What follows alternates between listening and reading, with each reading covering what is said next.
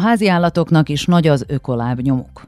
Az emberek a történelem során mindig tartottak házi állatokat, és ez változatlan. A házi kedvencek egyre nagyobb teret hódítanak, gyarapszik az állatgondozási kedv, legyen szó macskáról, kutyáról, teknősről vagy épp papagájról. Szőrös, pikkelyes vagy tollas barátaink leginkább társaságot nyújtanak. Adott esetben akár értelmet adnak az életünknek. Egy kisállat mindemellett csökkenti a stresszt, javítja a hangulatot, óvja szívünk egészségét. És korán sem elhanyagolható, hogy a gyermek társas kapcsolatára, érzelmi fejlődésére is jótékony hatással lehet. Az Európai Állateledelipar 2021-es statisztikái szerint ma már 90 millió háztartás, az EU háztartásainak kis hiána fele rendelkezik házi állattal. Ez 20 millióval több, mint egy évtizeddel korábban. A legnépszerűbbek a macskák. Őket Őket követik a kutyák. Az emberekhez hasonlóan a házi állatok is termelnek hulladékot. Talán a legjellemzőbb hulladék típus a kutyapiszok zacskó, amelyeket nem ritkán láthatunk a fák ágain lógni. Dr. Mila Bobadova, bolgár állatorvos megjegyzi, hogy ezek az acskók még akkor is, ha eljárásszerűen kezeljük, nagy mennyiségű, nehezen felbomló hulladékot jelentenek. Tény, hogy ebben az esetben sem kerülhető el a hulladéktermelés, de a gondos termékválasztásunk szerepet játszhat kutyusunk ökolábnyomának csökkentésében. Fejti ki a szakember a BNR Bolgár Rádiónak. A kutyapiszok begyűjtésére számos szemetezacskó létezik. Néhány biológiailag lebomló, némelyek kukoricából készülnek és trágyaként hatnak, de vannak műanyag termékek is. Az emberek igen gyakran ez utóbbit választják, mert a többi drágább. Azok, amelyek trágyaként működnek, természetesen a legköltségesebbek. Az emberek viszont nem szeretik elhagyni a komfortzónájukat. Nem gondolnak arra, mielőtt kisállatot választanának, hogy a környezetvédelem érdekében rájuk is kicsit többet kell költeniük gracski, deski, most ezt így kutató obszúrzva, domás nyelvűbémet. Vajon hány kisállattulajdonos mondhatja el magáról őszintén, hogy figyelembe vette négylábú barátainak környezeti hatását, azon túl, hogy esetleg egy drágább kakis zacskóért nyúl? Mert igenis, van környezeti hatásuk. Nyomatékosítja Anya Zavrsnik, szlovén állatorvos, az Eko Brlog, Szlovénia első környezetbarát online kisállatboltjának társ tulajdonosa, az Inio Radiasnak adott interjújában. Úgy fogalmaznék, hogy valójában nem igazán vagyunk tudatában annak, hogy milyen hatásuk van házi kedvenceinknek a környezetünkre. Talán akkor vagyunk a leginkább azok és ökotudatosak, amikor a kakizacskókkal foglalkozunk, foglalkozunk, mert ez olyasmi, amivel a kutyatulajdonosoknak nap mint nap meg kell küzdeniük. És talán néhányan elgondolkodnak azon is, hogy a kereskedelmi forgalomban kapható állateledeleket hogyan csomagolják. Ennél tovább már ritkán megyünk. De ez a tendencia lassan más irányvételt vesz, ezért vagyok optimista. Ha belegondolunk, minden állatnak van valamilyen szintű környezeti hatása, tehát minél több állatunk van, annál nagyobb a környezetre gyakorolt hatás is. Én a felelős állattartással kezdeném. Elsőként a nem kívánt születések megelőzésével, majd a tudatos vásárlással és így tovább. A második legproblémásabb kérdés természetesen a házi állataink, különösen a kutyák és macskák túlnyomó részt hús alapú étrendje. Bestések szerint a világ hústermelésének megközelítőleg 10-20 százaléka a házi állataink etetésére szolgál. Tekintettel arra, hogy ezeknek az állatoknak a száma egyre nő, ez egy nagyon aggasztó adat.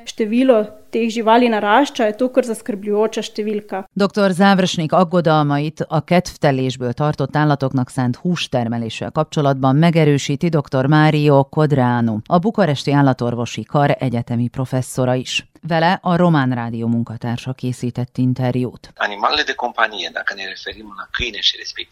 A házi állatok is itt elsősorban a kutyákra és macskákra gondolok, alapmeghatározás szerint húsevők. Nyilvánvalóan a fehérje bevitel a kulcs mind a kutya, mind a macska esetében a fehérje kondicionálja az állati anyagcserét és az emésztőrendszerének, valamint az egész szervezetének megfelelő működését. Ez a fajta takarmány, amelynek magas a fehérje, alapú energiatartalma, sokkal több szennyezést okoz, mint bármely más élelmiszer, legyen az természetes vagy hazai előállítású. Ebből a szempontból a magas fehérje tartalmú, négylábú házi kedvenceknek szánt eledel környezetszennyező hatásaránya nagyon magas lesz. Az emberi táplálék előállítása és gyártása során keletkező szennyezéshez hasonlót tud generálni, akár annak sokszorosát is. Sőt, még más erősen szennyező iparágakhoz is hasonlót.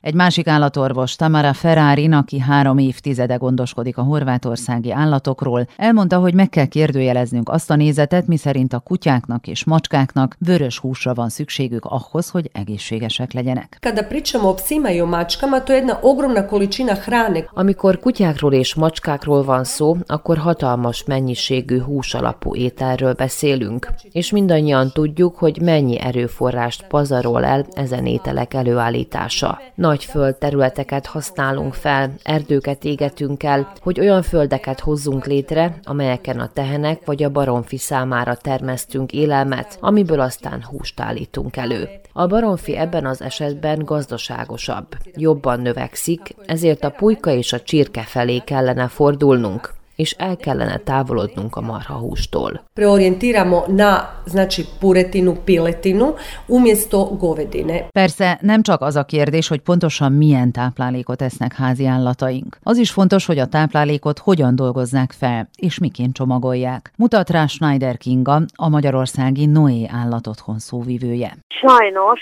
jelen pillanatban, ha csak valaki nem extrém környezettudatos, az állattartás finoman szólva sem nevezhető környezettudatos tevékenységnek, hiszen csak gondoljunk bele, hogy az állat eledelek, illetve a különböző élősködők elleni védelemmel ellátott szerek a marketing oltárán milyen extra nagy és különleges csomagolással vannak ellátva. Mi magunk is tapasztaljuk, hogy az állatok etetése rengeteg csomagolóanyagot, fölösleges szemetet termel, amit igazából azzal lehet kiküszöbölni, hogyha valaki maga szerzi be az alapanyagait az állatainak az étkeztetésére, és maga készíti el ezeket. De napjainkban működő, általánosan elfogadott, mondjuk így városi állattartásnak sajnos nem sajátja a környezettudatosság. Rengeteg fejlődni valónk van ezen a téren is, ahogy általában is a felelős állattartással kapcsolatban, és azért most már bizony elérhetőek azok a például kutyaürülék gyűjtő zacskók, amelyek valóban lebomlóak, azok a kiszerelésű és formátumú táplálékok, amelynek a csomagolása is környezettudatosabb. Ugyanúgy, ahogy mint például a kozmetikumoknál, vagy egyéb termékek esetében, egy picit jobban utána kell nézni, és egy picit tudatosabban kell, kevésbé a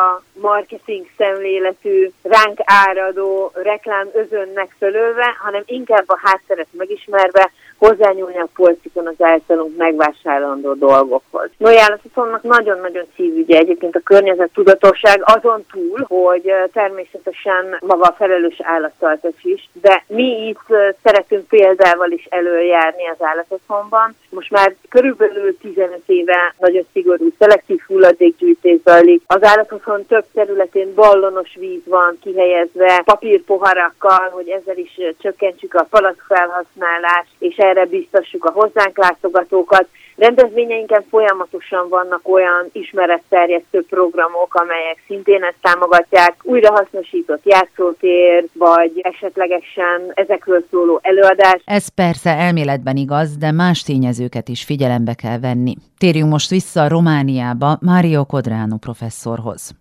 hrană preparată în casă, cu siguranță va fi mai puțin poluatoare din acest A házilag elkészített étel ilyen szempontból bizonyára kevésbé környezetszennyező, azonban a fizikai termikus, sőt kémiai előkészítési folyamat rendkívül időigényes. Ezért a házi kedvenceink számára az alternatív táplálékot a kereskedelmi forgalomban kapható eledel jelenti. A gyáripari kondicionált és a végletekig technologizált élelmiszer éppen a tulajdonos kényelme és időhiánya miatt élvez ilyen nagy előnyt. Köztudott, hogy a legkiegyensúlyozottabb, illetve legjobb minőségű táplálék, akár csak az ember esetében, a házilag elkészített élelmiszer. Azonban az összes összetevő a főfehérje komponenssel együtt hőkezelése és más összetevők hozzáadására szorul.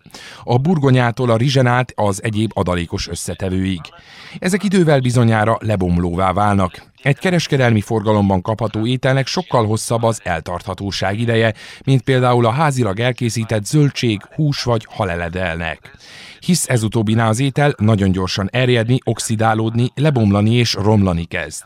Emiatt a kényelem általában az diktálja, hogy a házi helyet a gyári eledelt válasszuk.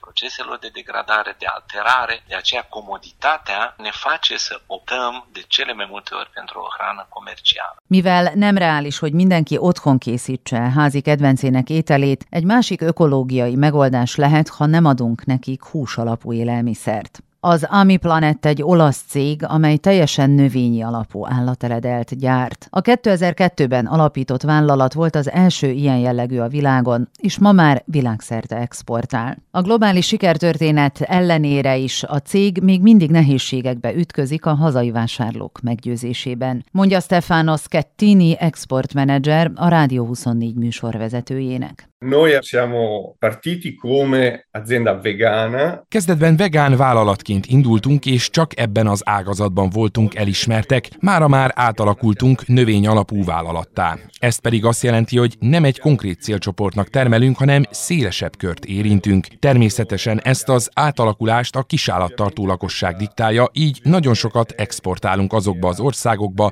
amelyek az évek során tovább léptek az ökológiai fenntarthatóság és az állatbarát magatartás megoldás felé. Tehát azokba az országokba, ahol az emberek tudatában vannak annak, hogy az egyéni választások kihatással vannak a közösségekre. Sokat exportálunk Németországba, Ausztriába, Svájcba és az angol száz országokba is. Közben sokkal kevesebbet szállítunk ki Dél-Európába például, ahol hagyományosabb gondolkodásmód van, ahol a húsfogyasztástól az emberek kissé gyanakúak lesznek. Tradizionale, dove si guarda un po' con sospetto il non consumo della carne. Ugné Nedzinszkaité, a Litván Egészségügyi Tudományegyetem állattenyésztési kutatója nem hisz abban, hogy a természetes húsevőknek vegetáriánus étrendet kellene alkalmazniuk. Az Inio Radiasnak adott interjújában azonban azt mondja, hogy a hagyományos húsnak léteznek zöldebb alternatívái is, például a rovarok. A rovar alapú állateledel valóban egy olyan innováció, amelyről nagyon reméli, hogy rövidesen, szélesebb körben is elterjed.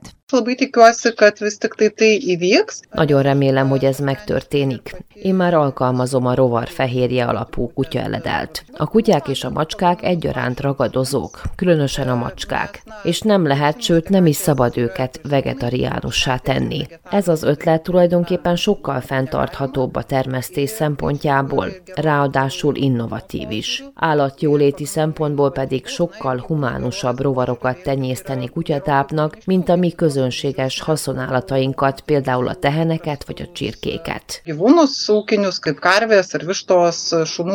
A Radio Renaissance újságírójának adott interjújában Jamie Piccara, az összetett állati takarmányokat gyártó portugál szövetség főtitkára szerint az alga alapú és a rovar alapú állati takarmányt említi, mint két olyan innovációt, amely segíthet a kisállatok ökolábnyomának csökkentésében. Jelenleg olyan fontos alternatívákat tanulmányozunk, mint például az alga és a rovarok, mint a jövő meghatározó fehérje forrása, hogy hozzájáruljunk az élelmiszer fenntarthatóság növeléséhez és a lehető legalacsonyabb környezeti hatáshoz. Ez két olyan élelmiszeripari terület, amely nagyon ígéretes, és mi ezeken dolgozunk. Az Insect Era projekt egyik célja, hogy Portugália rovartermelő és szállító központtá váljon, és vezető szerepet töltsön be a rovarpiacon. Ez a cél nem csak a házi állatok ételére vonatkozik, hanem az állati takarmányra is. Lássuk csak, a következő három évben körülbelül 60 millió euró értékű beruházásunk lesz. Não só com o aspecto food, mas para a alimentação dos animais. Vamos ver, temos três anos à nossa frente, temos um investimento de cerca de 60 milhões de euros. Ha azonban még nincs házi állatunk, és írtózunk a rovar táplálék gondolatától, akkor egyszerűen válasszunk vegetáriánus állatot, javasolja Tamara Ferrarin, horvát állatorvos. Statisztikák szerint a teknősök hagyják a legkisebb szénlábnyomot. Hazánkban mégsem gyakori házi állatok. Nagyon hosszú ideig élnek, és nem javasoljuk a kisgyermekes szülőknek, mert általában gyorsan megunják őket. Az összes növényevő állat, például a nyulak, hörcsögök és tengeri malacok, valamint más kis növényevők azonban szinte semmilyen szénlábnyomot nem hagynak maguk után. One zapravo ne ostavljaju skoro pa nikakav karbonski trag. Mielőtt aláírnánk, egy dolgot fontos tisztázni. Senki sem javasolja, hogy borítsunk fel egy évezredek óta létező gyakorlatot, és mondjunk le a házi kedvencekről. Az egész a megfelelő egyensúly megtalálásáról szól.